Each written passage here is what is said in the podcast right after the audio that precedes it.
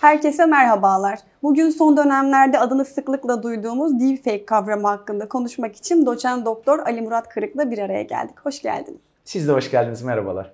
Ali Murat Bey çok uzatmadan aslında Hı-hı. deepfake kavramının e, tanımına girmek Hı-hı. istiyorum. Yani yapay zekanın getirdiği yeniliklerden biri de deepfake oldu ve adını çok duymaya evet. başladık. E, deepfake tam olarak nedir? Deepfake aslında derin sahtecilik anlamına geliyor ama dünya literatürüne deepfake olarak ifade ettiğimizi söylememiz gerekiyor. Deepfake yani derin sahtecilik ilk olarak aslında 2017 yılında karşımıza çıktı. Barack Obama'nın ilk hazırlanmış sahte videoları aracılığıyla biz bu kavramı görmüş olduk, duymuş olduk ve ilk şıkkında da gerçekten gerçeğiyle aslını ayırt edemeyecek noktada bir e, hale ulaşmaya başlamıştı. Çünkü ben de o videoyu seyrettiğimde bu nasıl bir teknoloji diye açıkçası derinlerine girmeye başladım. Daha sonra tabii ki işin yapay zeka aracılığıyla yapıldığı ses ve görüntünün eşlenmesinin, e, farklı bir kişinin sesinin görüntüsünün e, işlenerek, analiz edilerek farklı bir kişiye bindirilmesi olduğunu daha sonraki süreçlerde e, öğrendik. Ama şu bir gerçek ki bu teknolojinin geldiği nokta itibariyle gerçekten üzerine mutlaka konuşmamız ve durmamız gerekiyor. Derin sahtecilik kavramı 2017'den sonra çok daha ön plana çıkmaya başladı. Özellikle Amerika'da işte e, Barack Obama'nın videolarının hazırlandığını gördük. Bundan sonraki süreçte eski Amerikan Başkanı Donald Trump'ın videolarının, Tom Cruise'un yine çok popüler videolarının çıktığı ve sanal ortamda adeta bir virüs gibi yayıldığını gördük. Bunlar tabii ki sanatçılar, ünlü isimlerdi ama ister istemez bende de ve tabii ki tüm izleyicilerde de bir korku oluşmaya başladı. Yani bu teknolojiyle çok kolay bir şekilde insanların sesleri, görüntüleri taklit ediliyorsa, yarın öbür gün manipülasyon, dezenformasyon, bilgi kirliliği amacıyla bu deepfake adını verdiğimiz derin sahtecilik kullanılır ve toplumda infial oluşturulursa ya da bir dünyada liderin yapmış olduğu açıklamaların manipülasyon aracılığıyla yayılmasıyla birlikte yanlış yönlendirme meydana gelirse aslında bu tehlikenin ne kadar büyük boyutlarda olduğunu bir kez daha görmüş olacağız. Ve dolayısıyla da bu adını verdiğimiz, deepfake adını verdiğimiz bu kavramın evet başlangıçta yapay zekanın bir türevi olduğu ama yani makine öğrenmesi, derin öğrenme, dil öğrenmesi aracılığıyla gerçekleştiğini görüyoruz. Bir kişinin sesi, görüntüsü alınıyor önce. Daha sonra kullanılacak kişinin ses ve görüntüsü derin öğrenme ve makine öğrenmesi aracılığıyla sisteme tanımlanıyor. Daha sonra kişi aynı benim gibi konuşurken bunun üzerine örnek vermek gerekirse işte Donald Trump'ın görüntüsü ve sesi aktarılmış oluyor benim sesim görüntümle Donald Trump'ın öğretilmiş sesi ve görüntüsü işte sesinin tonu, tınısı, frekans değerleri, e, desibel şiddeti aktarılıyor. İkisi eşleniyor ve daha sonraki süreçte sanki o kişi konuşuyormuşçasına ses ve görüntüler, cümleler, ifadeler karşımıza çıkmış oluyor. Bu dediğim gibi başta komik ve eğlenceli gibi gelse de aynı sosyal medyanın ilk çıkışını hatırlarsınız. O da öyleydi. Ama şimdi geldiğimiz nokta itibariyle dezenformasyonun merkezi haline geldiğini söyleyebiliriz. Yapay zekanın evet faydaları olduğu gibi e, zararları da var. Bunlardan bir tanesinde deepfake olduğunu ifade edebilmemiz mümkün. E, sizin de söylediğiniz gibi e, deepfake yoluyla oluşturulmuş görüntüleri izlediğimizde gerçekten ürkütücü bir gerçeklik göze çarpıyor. Bu kadar kusursuza yakın bir görüntünün teknik sürecini soracaktım zaten. Siz gayet güzel özetlediniz. 2019 yılındaydı sanırım. Bella Thorne, dünya ünlü oyuncu. Babası için ağladığı bir video evet. cinsel içerikli bir filmde kullanılmıştı. Evet bu noktada baktığımızda sormak istediğim soru şu. Hareketli bir görüntünün başka bir hareketli görüntüde gayet rahat bir şekilde kullanılabildiğini gördük. Peki bir fotoğraf karesi bu tür bir cinsel içerikli filmde kullanılmak için yeterli olur mu? Şöyle söylememiz gerekiyor. Biliyorsunuz artık teknoloji o kadar gelişti ki, dijital teknolojiler o kadar gelişti ki bir fotoğrafın aslında piksel piksel analizini gerçekleştirebiliyor yapay zeka ve bundan sonraki süreçte bu görüntüyü çok kolay bir şekilde işleyerek aslında farklı bir video karesine entegre edebiliyor. E bu bir o kadar korkutucu ve ürkütücü bir teknoloji olarak karşımıza çıkmakta. Çünkü evet çok güzel her şey bir baktığınızda internet ortamında bir video paylaşıyorsunuz, bir içerik sunuyorsunuz. Ama ondan sonraki süreçte bir bakıyorsunuz o fotoğraf farklı bir içerikte kullanılabiliyor. Mesela bir mahrem görüntüde kullanılabiliyor ya da işte ne bileyim müstehcen içerikli bir filmde kullanılabiliyor. Bu iş bu kadar kolay bir hale gelmeye başladı. Çünkü o fotoğraf kareleri de artık canlandırılabiliyor. Hareket verilebiliyor. Çünkü hepsinin bir dijital değeri söz konusu. Zaten dijital teknolojiler sıfır ve birlerin dili. Şimdi yapay zeka dediğimiz özellikle başta Python dediğimiz yazılım dilini kullandığımızda çok kolay bir şekilde var olan tek bir kareden çok rahat bir şekilde hareketli bir görüntü oluşturabiliyoruz. Bu belki günler, bazen aylar, bazen haftalar alabiliyor. Ama tek bir gerçek var ki bu teknoloji çok kolay kullanımda Hatta bunları da ayırıyoruz. Bazıları çok kolay, kullanıcı arayüzü çok basit olan, hani çok rahat bir şekilde hani bu konuda çok bilgisi olmayan insanların bile bir tuşla yapabileceği bir sistemken ki bunlar genelde ücreti mukabilinde oluyor. O kodların e, daha e, programlanmış hali olarak karşımıza çıkıyor. Sesi görüntüyü veriyorsunuz. O otomatik olarak işliyor ve size sunuyor. İş bu kadar kolay bir hale gelmeye başladı. Hatta bunların değerleri de 50 dolardan başlıyor 250 dolar 300 dolara e, kadar çıkıyor. Yani bu da bir teknoloji endüstri halinde almaya başladı. Yani bir sektör halini de almaya başladı. Ya bu keşke ta sadece iyi niyetle kullanılsa. Hı hı. Ama şu an baktığımızda bunlar işte dediğim gibi yani ünlülerin sesleri, görüntüleri taklit ediliyor. Başka ünlülerin sesleri ve görüntüleri taklit edilerek insanlardan para ve fidye e, sızdırılabiliyor. Bu gerçekten çok korkutucu bir durum. Yani bir program, bu program aracılığıyla bunu gerçekleştirebiliyorsunuz. Bazı programlar bunlara önlem almaya başladı. Toplum mal olmuş ünlü isimlerin, sanatçıların özellikle e, internet üzerinden araması yapılıyor. Ve bakıyor ki mesela Google'da onunla ilgili 10 milyon 20 milyon içerik var. Hemen diyor ki bu diyor tanınmış yani celebrity bir yüz, celebrity bir ses. Dolayısıyla biz bunun deepfake'ini yani yapay zeka videosunu oluşturamıyoruz diyor. Bazı uygulamalar bunu yapıyor ama bunu sadece kodlar üzerinden yapabiliyorsunuz. Yani gerçekten bu alanda uzmanlaştıysanız, kod dilini, Python'ı çok iyi kullanabiliyorsanız burada istediğiniz kadar her şeyi yapabiliyorsunuz. Çünkü zaten kodu, yazılımı kendiniz gerçekleştirdiğiniz için hazır bir yazılım olarak kullanmıyorsunuz. Çünkü deepfake videoları oluştururken de bir hazır yazılımlar var, kullandığımız uygulamalar var. Bir de kendinizin yazmış olduğu özellikle Python dediğimiz programlama diliyle yazılmış olan deepfake videolar var. Orada kodları siz kendiniz oluşturuyorsunuz. İşte sesi nasıl oluşturacağınız, görüntüyü nasıl oluşturacağınız, sesin görüntünün yapay zeka tarafından nasıl işleneceğini tık tık kodluyorsunuz ve yazmış oluyorsunuz. Hatta bununla ilgili ben bazen görüyorum. YouTube'da da çok içerikler çıkmaya başladı. E, Aynı sosyal medyaya benzetiyorum. Sosyal medyanın ilk çıktığı zamanlarda da herkes okul arkadaşını bulmak için bir araya gelmek için özellikle Facebook'la başlamıştı biliyorsunuz bu akım. Daha Evet. sonra işte Instagram ortaya çıktı, Twitter ortaya çıktı. Yani şimdiki ismiyle X ortaya çıktı. Ama şimdiki süreçte baktığımızda sosyal medya biliyorsunuz dezenformasyon, manipülasyon, bilgi kirliliği çok rahat yapılabilir. Yapay zeka da bizim için ilk olarak bu teknoloji açısından çok güzel gelmişti, faydalı gelmişti ama şu anda da geldiğimiz nokta itibariyle sanki aynı korkuyu sosyal medyadaki, internet ortamındaki korkuyu deepfake videolarda da yaşayacağız gibi gözüküyor. E, yapay zekanın zaten yani deepfake'in hedef aldığı kitle daha çok kadınlar. Bu da Evet. birçok kişinin istemediği durumlar yaşamasına sebep olabiliyor ve olacak gibi de görünüyor. Maalesef yani burada şunu da söyleyeyim iş insanlarına bile e, işte sahte videolar hazırlanarak işte tehdit ve şantaj yoluyla Evet. para sızdırıldığını gördük. E, özellikle kadınları bekleyen tabii ki ciddi bir tehlike. Yani internet ortamında bir görüntünün sızdırılması, Evet, bir içeriğin sızdırılması ciddi problemler oluşturacak. E, çocuk e, pornografisi konusunda da ciddi sorunlar. Bu pedofilinin de giderek artmasına sebebiyet verecek. Hatta bunların dark web gibi e, webin görünmeyen yüzlerinde satılması da ciddi problemlerle karşı karşıya kalmamıza sebep olacak gibi gözüküyor. Yani bu noktada aslında şunu merak ediyorum. Ee, bu görüntülerin sahte olduğu kanıtlanabilir mi? Yüzde kaç güvenilir sonuç verir? Şöyle söyleyelim. Şu an e, yapay zekadan örnek vereyim. Yapay zeka aracılığıyla oluşturulan metinlerin e, yüzdelik değerleri yani gerçekten bunu yapay zeka ya da insan yazmıştır gibi analiz yaptığımızda üzülerek söylemek gerekir ki yapay zekadan çıkan bir metin e, sizin karşınıza o sistemleri attığınızda analiz ettiğinizde bu diyor %89 insan tarafından yazılmıştır diyor. Bu ne demek biliyor musunuz? Yapay zeka o kadar gelişim gösterdi ki insan gibi yazmaya başladı. Evet. Çünkü sistemler analiz ederken bunun farkına varamıyor. Yani o metni yapay zekanın analiz ettiği, yani yapay zekanın yazdığını göremiyor. Aynısını görüntü için de göreceğiz. Sisteme atacağız. Bu diyecek ki gerçek bir görüntüdür. Sosyal medya şirketleri yavaş yavaş bunun önlemlerini almaya başladılar. Yapay zeka yazılımlar kullanarak özellikle deepfake'in önüne geçebilmek için ki biliyorsunuz e, 25 Ağustos 2023 itibariyle Avrupa Birliği ülkelerini kapsayan dijital haklar yasası ortaya çıktı, kabul edildi. Bu dijital haklar yasası sahte haber, görüntü ve içeriğin önüne geçebilmek, e, sosyal medya mecralarına, e, internet ortamındaki e-ticaret sitelerine bir nevi yaptırım uygulayabilmek adına ki bu yaptırımlar çok ciddi. Mesela e, toplam küresel cirosundan %6'lık bir kesinti ortaya çıkıyor. 19 büyük küresel ölçekli şirket var. Hepimizin bildiği ama ismini veremeyeceğim.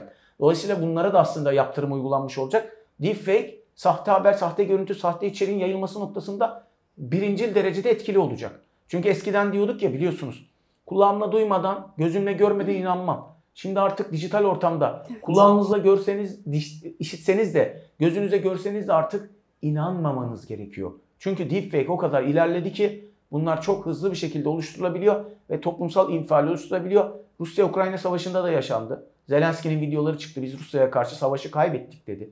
Deepfake videolardır bunlar baktığınızda. Ya da işte aynı şekilde Barack Obama'nın, aynı şekilde işte dediğim gibi Donald Trump'ın videoları çıktı. Bunlar gerçekten çok büyük tehdit. Biz şimdi eğlence amaçlı görüyoruz ama gelecekte ne olacak? Hadi onlar ünlü isimler. Yarın size, bana, başka insanlara da olacak Aynen. bunlar. Ne olacak? Bir aileyi belki yıkıma sürükleyecek. Bir milletin kaderini, Kaderini belirleyecek. Evet. Eşine bir video gelecek işte görüyor musun karım bu şekilde şey yaptı. Ya da kocan e, böyle başka kadınla işte birlikte oldu vesaire diyecek. Düşünebiliyor musunuz aile mefhumunu? Evet. İnsanda bir şüphe bile olursa Çok hani o huzuru, güven ortamını bozacaktır diye düşünüyorum açıkçası. Çok büyük tehdit. Yani şu an biz belki hani bunları anlatıyoruz. İleride bu yayınlarımız izlendiğinde aa bak bunlar konuşulmuş diyecekler. Ta 2023 yılından. Bunlar hep olacak şeyler. O zaman da sosyal medya ilk çıktığında ben nacizane araştırmalar yapmış ve bunun çok ciddi bir dezenformasyon olacağını, e, bilgi kirliliğini yayabilme noktasında medyanın da önüne geçebileceğini söylemiştim.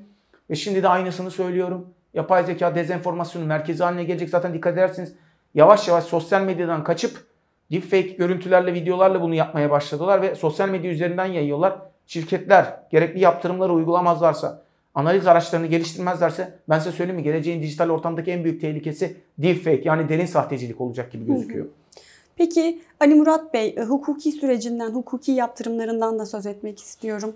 Ee, bizim ülkemizde deepfake videosu, görüntüsü oluşturmanın cezası ne durumda? Yani bu konuda bir gelişme var mı yasalarda ya da olacak mı? Şimdi ben e, aynı zamanda adli bilirkişilik yapıyorum. Hı hı. e, bilişim alanında e, çok suç geliyor açıkçasını söylemek gerekirse. E, şu an tabii ki deepfake anlamında e, yeni bir kavram ve yeni bir teknoloji. Tam olarak oturmadı. Çünkü hukuk biliyorsunuz önce bir somut bir olay oluyor. Ondan sonra yasalar, kanunlar çıkıyor. Ne yapabilir, ne edebilir diye. Şimdi dünya genelinde bir şeyler çıkmaya başladı. Şimdi biliyorsunuz bizde 5651 sayılı internet ortamında yapılan yayınların düzenlenmesi, bu yayınlar yolu işlenen suçlar mücadele edilmesi hakkındaki kanun vardı.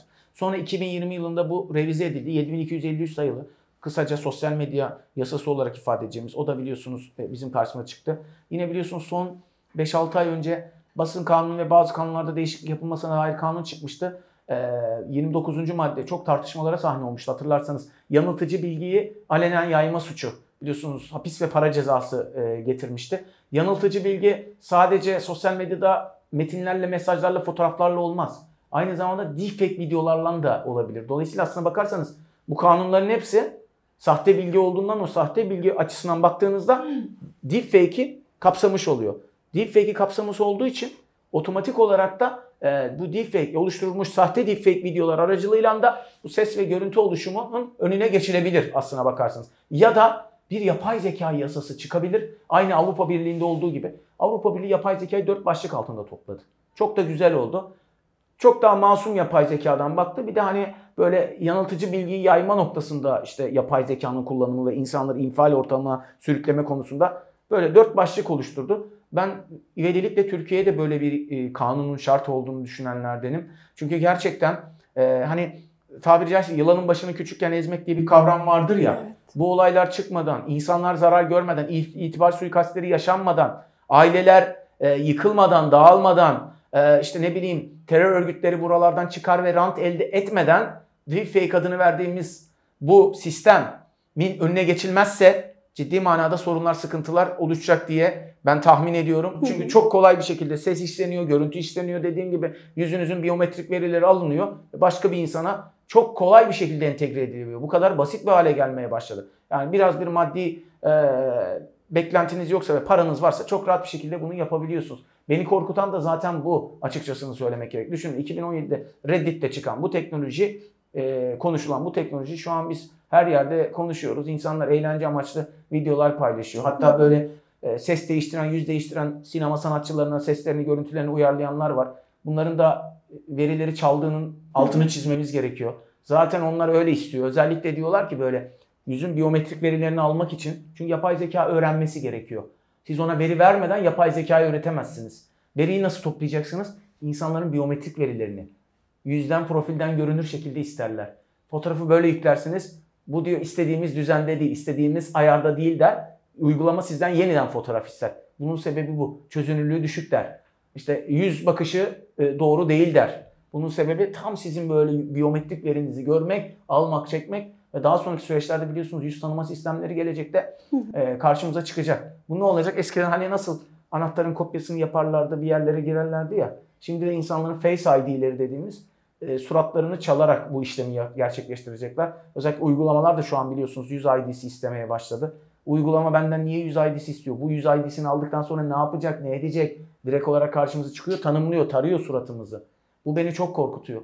İleride belki programlar aracılığıyla bile bizim kişisel verilerimiz çalınmış olacak. Aslında bu nereden başladı biliyor musunuz?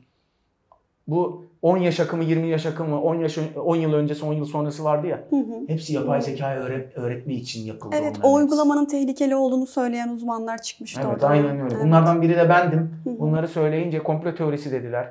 Yüzün biyometrik verilerini bunlar istediğinde "Ha, eğlence amaçlı ne olacak işte 10 yıl önce 10 yıl sonra. Hayır.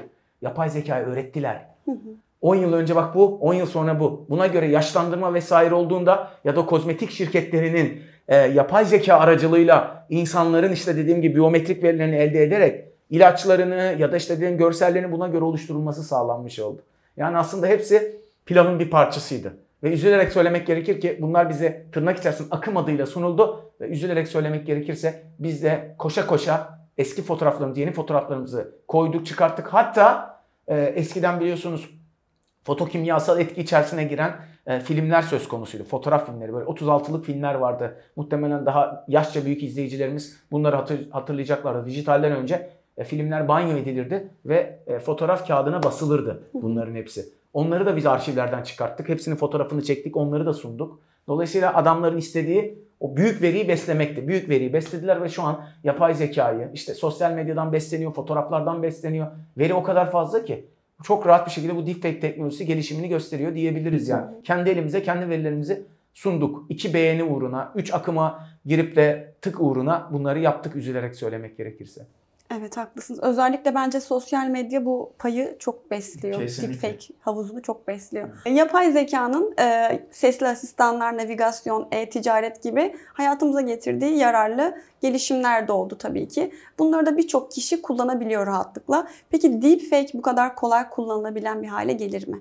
Ya da gelecek. Ee, Bugün hani nasıl o yüz değiştirme uygulamaları e, sizin mobil aplikasyonları indirmeniz ve kurmanızla ortaya çıkıyorsa üzülerek söylemek gerekir ki aynı duruma doğru ilerliyoruz. Hatta ücretli olan uygulamalarda çok daha size farklı hizmetler sunulacak. Ses, görüntü. Hatta öyle noktaya gelecek ki hazır sesler sunulacak. İşte Ali Murat Kırık olarak ben orayı seslendireceğim. Örnek vereyim pat Kemal Sunal'ın sesi olarak çıkış yapacak yani düşünebiliyor musunuz? Evet. Bunlar çok masumane. Ama aynı sistemi öğreterek bir siyasetçiye, bir sanatçıya da yapabilirsiniz. Onun sesini, görüntüsünü ortaya koyabilir. Sonra sosyal medyadan da paylaşır. İşte Ali Murat Kırık böyle bir açıklama yaptı. İşte böyle bir söz söyledi. Ondan sonra siz kendinizi aklayın aklayabilirsiniz. O zaten artık infiali oluşturdu. Adeta bir virüs gibi yayıldı. Hesaplara düştü, internet sitelerine düştü. Peki ya gelecekte bu teknoloji geliştikçe siz diyecek bir ses tanımlayın, siz diyecek bir görüntü tanımlayın. Bir de kendi sesinizi, görüntüsünüzü aktarın. Bunlar ikisi senkronize olacak, eşleşecek ve daha sonra bambaşka bir ses ve görüntü e, çıkmaya başlayacak. Bu da aslında çok ciddi bir tehdit olarak karşımıza çıkacak. Sosyal medya şirketleri de bu paylaşımlar esnasında gerekli adımları atmazlarsa, yani bu özel yazılımlar geliştirip hani deepfake analyzer'ları e, devreye sokmazlarsa işte o zaman görürsünüz kullanıcı bazlı bir şekilde nasıl derin dezenformasyon, manipülasyon yayılmış olacak ve insanlar artık çok daha korku panik içerisine girecekler. Bir fotoğraf paylaşırken, bir ses paylaşırken artık insanlar iki kere düşünmeye başlayacak. Ve belki o noktaya gelecek ki insanlar artık hani şu an e, sosyal medya ben merkezi bir yapıya sahip herkes ben burada olmak istiyorum fotoğraf paylaşıyor, ses paylaşıyor ya. Gelecekte de tam tersi bir e, aslında e, durum söz konusu olabilecek. İnsanlar elini ayağını çekecek ve dolayısıyla Aa, artık deepfake var. Ben sesimi görüntümü paylaşırsam ciddi problemlerle karşı karşıya kalabilirim diyecek. Ve bir bakacaksınız tersine bir dijital göç ya da tersine bir dijital devrim bile yaşayabileceğiz. Sırf deepfake e, videolarının sayısal ortamda artmasıyla birlikte ben bundan da çok korkuyorum ve bu olayın da karşımıza çıkabileceğini aslında düşünenlerdenim. Çünkü bir şeyin önüne geçemezsen tedbir almak zorunda kalıyorsun. E hani bir dönem ilk demişlerdi ya işte o pandemi döneminde çıkmayın vesaire gibi dışarıya şey yapmayın. Şimdi de aynı durum sosyal medyada o zaman paylaşım yapmayın noktasına gelebilirse o zaman dijital ortamın eskisinden çok daha farklı bir boyuta ulaşabileceğini söyleyebilmemiz mümkün. Ee, Peki sohbetimizin başından beri deepfake'in e, olumsuz özelliklerinden bahsediyoruz, olumsuz etkilerinden. Ama neticede bir yapay zeka Tabii. ürünü ve muhakkak onun da faydalı noktaları Aynen. vardır. Kısaca ondan bahsedebilir misiniz? Şöyle söyleyelim. Bir kere e, nostalji zevki bize yaşatacak. Çünkü e, kaybettiğimiz büyüklerimiz olabiliyor. Çok sevdiğimiz akrabalarımız ya da arkadaşlarımız olabiliyor. Onların ses ve görüntülerini canlandırarak aslında deepfake aracılığıyla bir nebze de olsa bir anı ve hatıra oluşturabilme şansımız söz konusu olacak. E, Bununla birlikte tabii ki e, sanal eğitmenleri de oluşturabilmemiz mümkün. Yani düşünün ben mesela e, sesimi, görüntümü vererek aslında sadece yazıları hazırlayıp sanki ben ders anlatıyormuşum gibi vakitten istifade edebileceğim. Bunlar da artı yani insanlar mesela örnek veriyorum açık öğretim okuyorsunuz. Açık öğretimde kitaptan okumak yerine ne bileyim bir yapay zeka hocanın size ders anlatması, sorduğunuzda cevap vermesinin ben çok daha faydalı ve akılda kalıcı olduğunu düşünüyorum. Çünkü görsellik her zaman akılda kalıcıdır. E, Bununla birlikte tabii ki e, yani deepfake dediğimiz videolar, sesler, görüntüler e, stüdyo maliyetlerinde özellikle medyaya çok büyük katkılar sağlayacak. Biliyorsunuz eskiden işte dediğim gibi arka planı yeşil yapıyorduk. işte background'u değiştirmemiz, işte chroma key uyguluyorduk falan falan yani arka planı değiştirmek için. Şimdi burada her şeyi tek tuşla yapabileceğiz. Sesi de vereceğiz sunucuya. Burada ışık masrafı, kamera masrafı olmadan bunları ortaya koymuş olacak. E bu da tabii ki maliyetler açısından önemli ama tabii ki iş ve istihdam alanında da sorunlar ortaya çıkacak. Çünkü e, işsizlik belki de gelecekte özellikle medya sektöründe bunun ben olacağını düşünenlerdenim. Çünkü yapay zeka ve deepfake en çok medya sektörünü olumsuz bir şekilde etkileyecek. Eğitim sektörünün de olabileceğini düşünüyorum. Çünkü artık biliyorsunuz işte ChatGPT gibi ya da diğer işte BART gibi e, işte yapay zeka, sohbet robotları, yazılımları biliyorsunuz söz konusu. İnsanlar soruları soruyor, onlara cevap veriyor. Gelecekte bunlar çok daha ön plana çıkmaya başlayacak. O GPT öğrenme modellerinin deepfake ile entegre olduğunu düşünün. Sesi, görüntüyü oluşturacak. İkisi bir araya girecek, bir kombine olacak ve karşınızdaki o deepfake sunucu, deepfake eğitmen size bunları aktarmış olacak. O yüzden şimdiden bunlara da hazırlıklı olsak iyi olur diye düşünüyorum. Bunlar da faydalı olarak karşıma çıkıyor. Ama kimisine göre de bunlar zarar. Çünkü dediğim gibi meslekleri öldürmesi açısından da ciddi problemler oluşturabilir diye düşünüyorum. İşte e, sinema sektörüne bu noktada katkılar e, sağlanacaktır. Yapay zeka aracılığıyla, efektlerin, e, deepfake aracılığıyla efektlerin oluşturulması kolaylaşacak. Çünkü şöyle düşünün. Bir şeyleri yazıyorsunuz, tanımlıyorsunuz, tasvir ediyorsunuz. Size onunla ilgili fotoğraf söylüyor. Mesela havuç yiyen bir tavşan diyorsunuz. Size havuç yiyen bir tavşanı resmediyor. Ya da havuç yiyen beyaz tavşan dediğinizde beyaz bir tavşanı. Havuç yiyen beyaz tavşanın yanına bir güvercin diyorsunuz tak onu da koyuyor. Yani aslında metinden bu görseli oluşturan bir sistem var.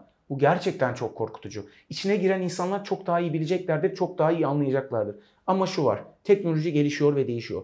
Bizim ülkece bunu nasıl faydamıza ve lehimize kullanırız bunu sorgulamamız gerek diye düşünüyorum.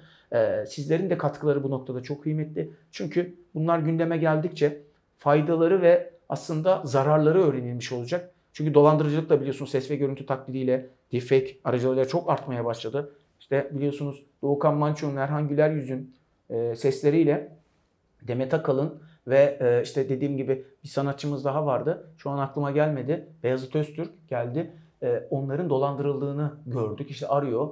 E, Doğukan Manço gibi Beyazıt Öztürk'ü arıyor. Ses aynı, görüntü aynı işte size söylediğim gibi deepfake aracılığıyla oluşturulmuş. E, yarın öbür gün insanlar birbirini arayacaklar. Eşler birbirini arayacak. İşte, ki İngiltere'de bundan bir buçuk sene önceydi.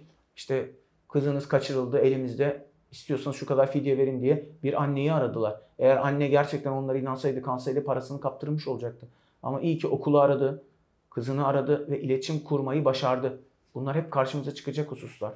İşte diyor ki polisi sakın arama, kızını yok bilirsin o zaman vesaire gibisinden bunlar yaşandı. Türkiye'de değil İngiltere'de yaşandı. Ve bunlar yaşanması kuvvetle muhtemel olaylar.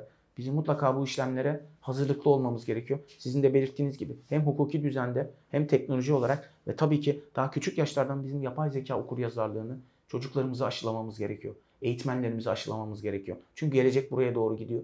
Nasıl bugün dil öğrenmek, İngilizce gibi, Almanca gibi dilleri öğrenmek küresel ölçekte son derece önemliyse bugün sanki hangi mesleği yaparsak yapalım yapay zeka ve deepfake konusunda da kendimizi bilgilendirmemiz ve bilinçlendirmemiz gerekli diye düşünüyorum. Kıyas ve mukayese etmenin son derece önemli olduğunu düşünüyorum.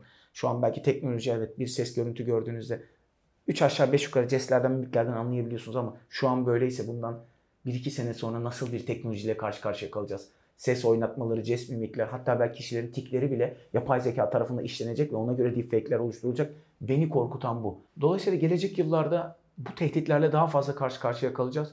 Şayet toplumca hazırlıklı olmazsak infial, manipülasyon, dezenformasyon çağımızın en büyük sorunu olacak. Ben inanıyorum Türkiye Cumhuriyeti Devleti de e, bu noktada yasal müeyyideleri bir an önce uygulamaya alacak ve dünya örneklerini de inceleyerek bizler de deepfake ve yapay zeka ile mücadele konusunda gerekli adımları atacağız gibi düşünüyorum ben. Hocam verdiğiniz değerli bilgiler için çok teşekkür, Ben teşekkür ediyorum. ediyorum, Bu sağ yoğun temponuzda bize vakit ayırdığınız Ne için demek. de Posta.com.tr ekibi olarak ayrı bir teşekkür Sağ olun. sunmak Ben de istiyorum. Posta.com.tr e, ekibine ve tabii ki değerli okurlarına sevgilerimi Çok sunuyorum. İnşallah farklı yayınlarda görüşebilmek dileğiyle diyorum. Esen kalın. Çok teşekkürler. Bugün doçent doktor Ali Murat Kırık ile deepfake kavramı hakkında deepfake teknolojisinin zararları, faydaları üzerine bir röportaj gerçekleştirdik. Ee, yeni konuklar, yeni konularımızla başka yayınlarda görüşmek üzere. Hoşçakalın.